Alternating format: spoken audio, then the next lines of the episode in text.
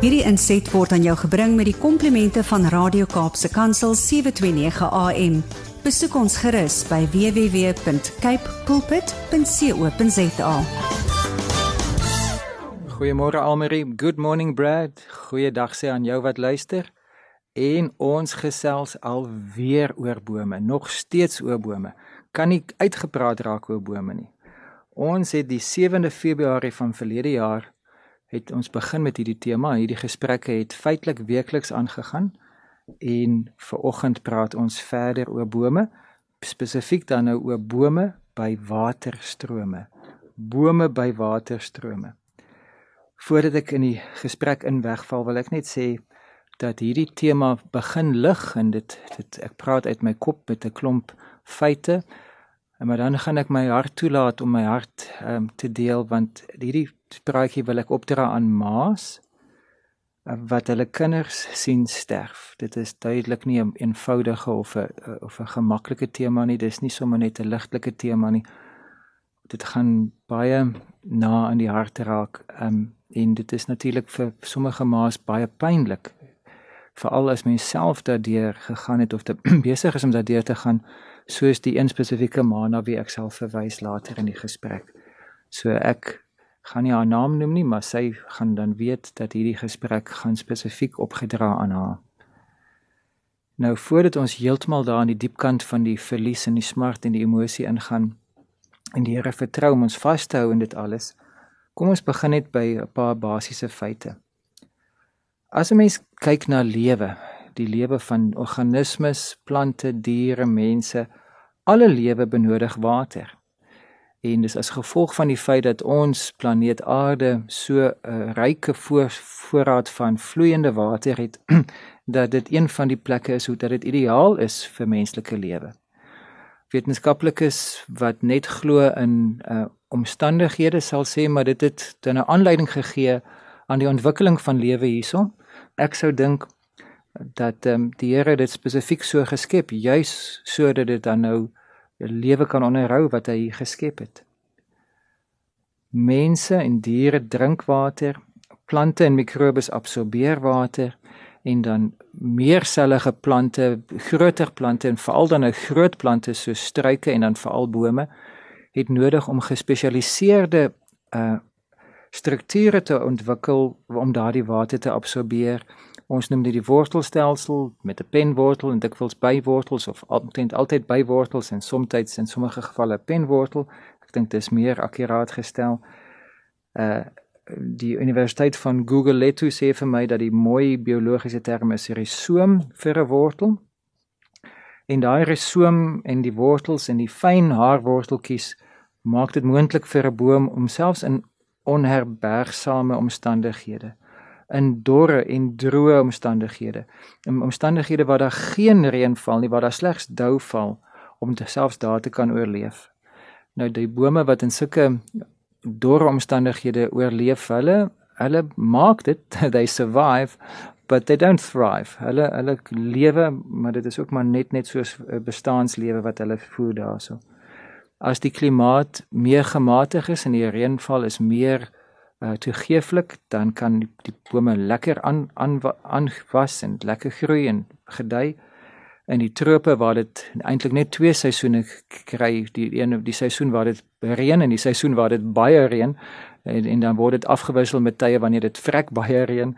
Daar daar is die oer, oerwoude is net so ryk dat ehm um, jy kan eintlik die goeie sien groei so so baie water en en voedingsstowwe is daar in die bome hulle wetywer vir die hoogste plek sodat hulle kan sonlig kry want hulle soek natuurlik nie net water nie hulle soek ook sonlig om te kan fotosinteer.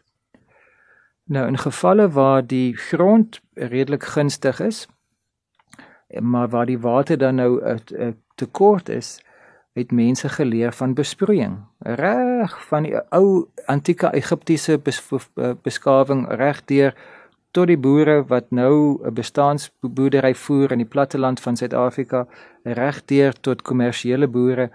'n uh, Besproeiing is 'n groot deel van van die landbou en dit is een van die redes hoekom die landbou dan nou onafhanklik wil raak van Eskom want besproeiing het dikwels pompe nodig. As jy nie gravitasie kan gebruik nie dan het jy 'n pomp nodig.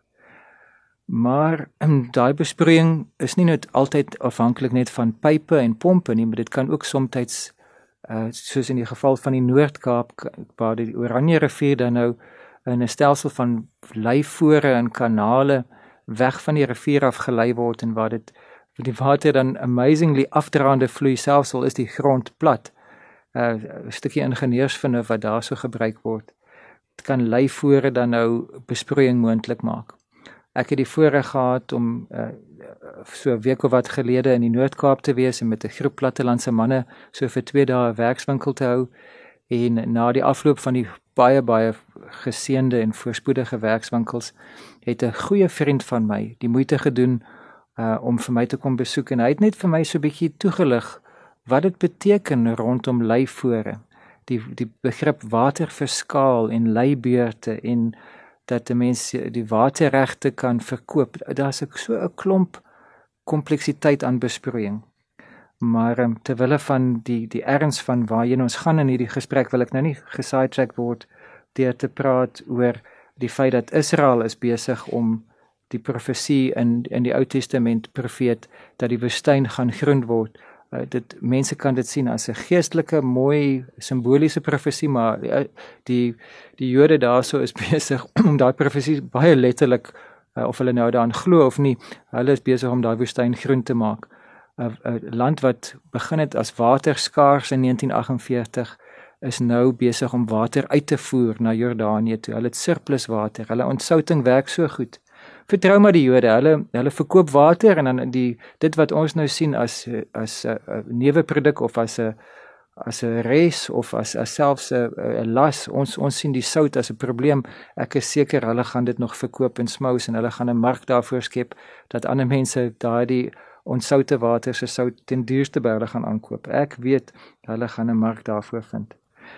Mens kan dan selfs dink aan die feit dat daar maanbasis gevestig gaan word en daar is blykbaar gefriesde tekens of tekens van gefriesde water op die maan, maar daar is nie vloeibare water nie. Die omstandighede in terme van die atmosfeer en van die temperature is sodat water nie eintlik op die oppervlak sal in in vloeibare vorm sal lê nie.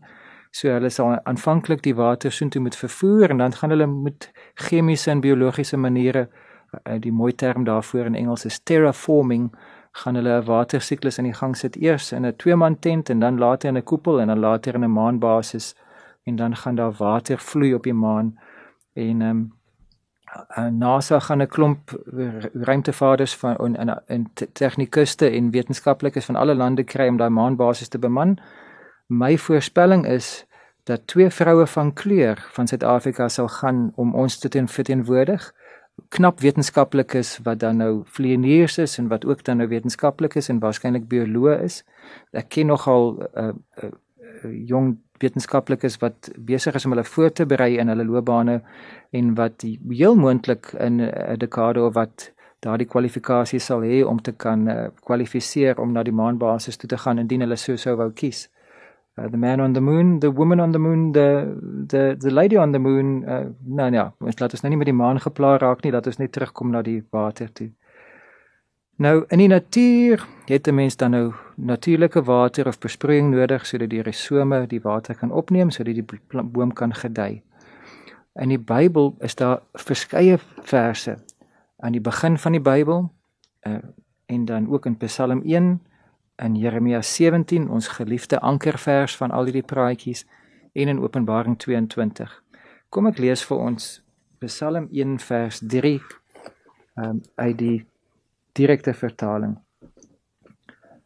Psalm 1 vers 3. So iemand sal wees soos 'n boom geplant langs watervore wat sy vrugte op sy tyd gee en waarvan die blare nie verdor nie.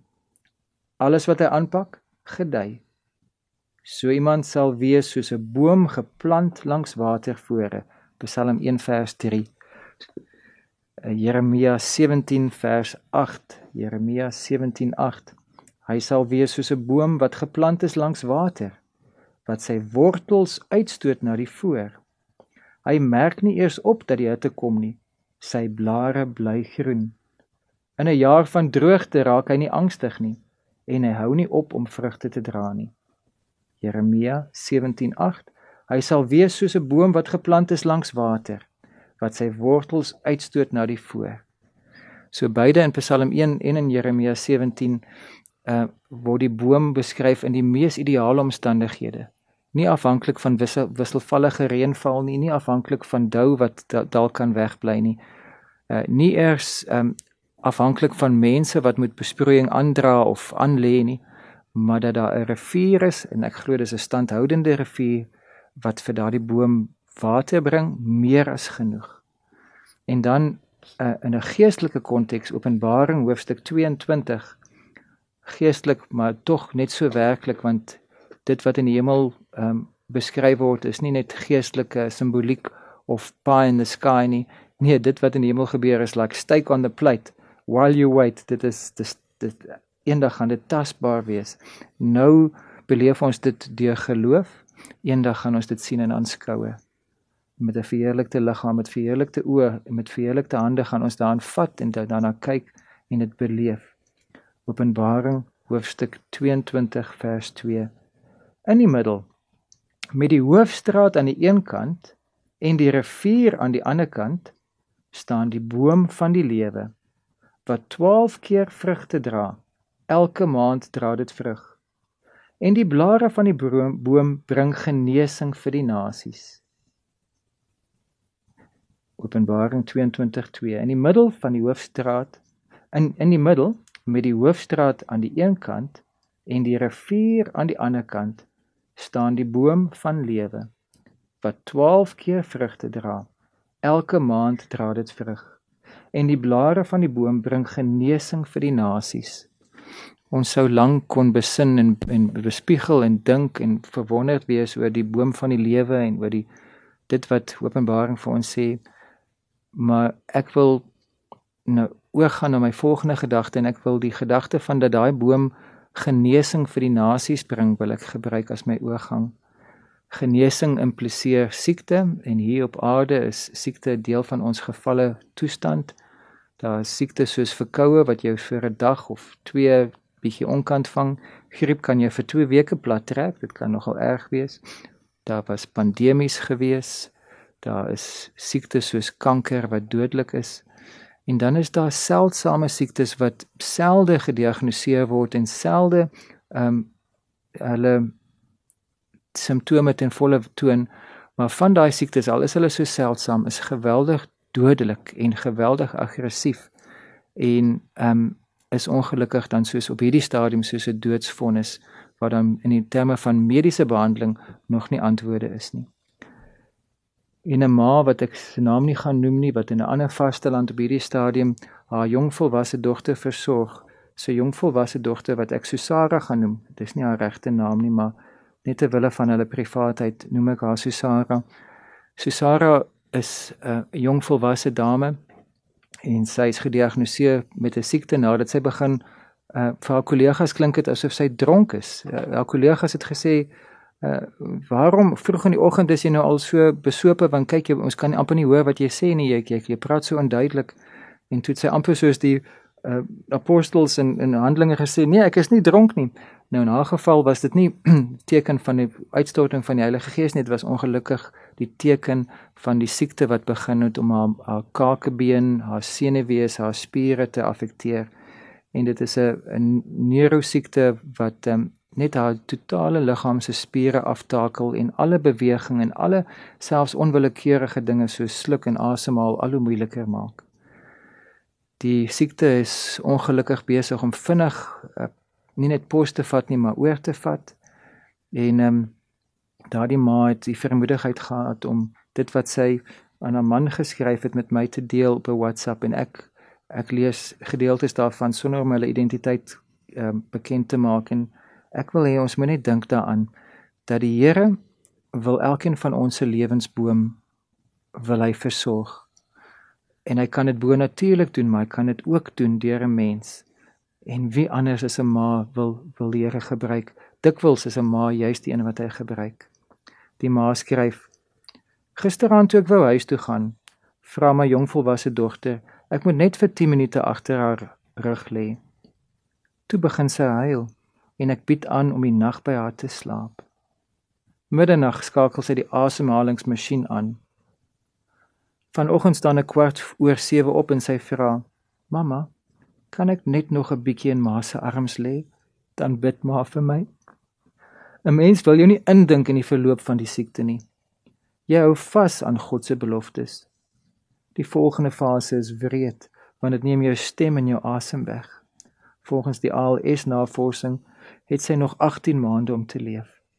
Dan fokus ek op die beloftes uit 'n genadige Vader se hart. Gistermiddag sit sy en oefen op 'n selfoon-app om 'n knoppie te druk en wat sê My name is Susara. Ons lag oor al die verskillende uitsprake, maar ons almal se harte huil 'n bietjie aan die binnekant. Hoe leef 'n mens sonder hoop? En selfs in die afgryse van iemand wat wegkwyn voor jou oë, selfs in die pyn van 'n ouer wat sy kind sien sterf, wil die Here strome van water inbring. En hy wil doen dit dikwels juis deur die ma na die kind toe. En ek wil as ons nou saam bid, wil ek bid vir ma's wat hulle kinders so moet versorg op hulle sterwensbed. En as jy op hierdie stadium nie in daardie moeilike posisie is om jou kind te begelei op die pad na die ewigheid toe in terme van sterwe nie. As jou kinders lewendig en gesond is of as jy met ander situasies te doen het, wil ek net vir jou sê, die Here se waterstrome is beskikbaar. Hy wil na jou toe water laat kom, maar hy wil ook jou gebruik dat jy 'n leifoor sal wees na die lewens rondom jou. Kom ons hou vas aan Jesus. Kom ons bid saam. Vader, dankie vir lewende water vir elkeen en spesifiek vir elke ma wat hulle kind sien wegkwyn en spesifiek vir daardie ma en daai op daardie ander vasteland wat haar dogter vasgehou het en nie weet of sy ooit weer die geleentheid sal hê om haar kind haar dogter vas te hou terwyl sy nog lewe nie. Genade koning Jesus. Hou ons vas. In Jesus naam. Amen.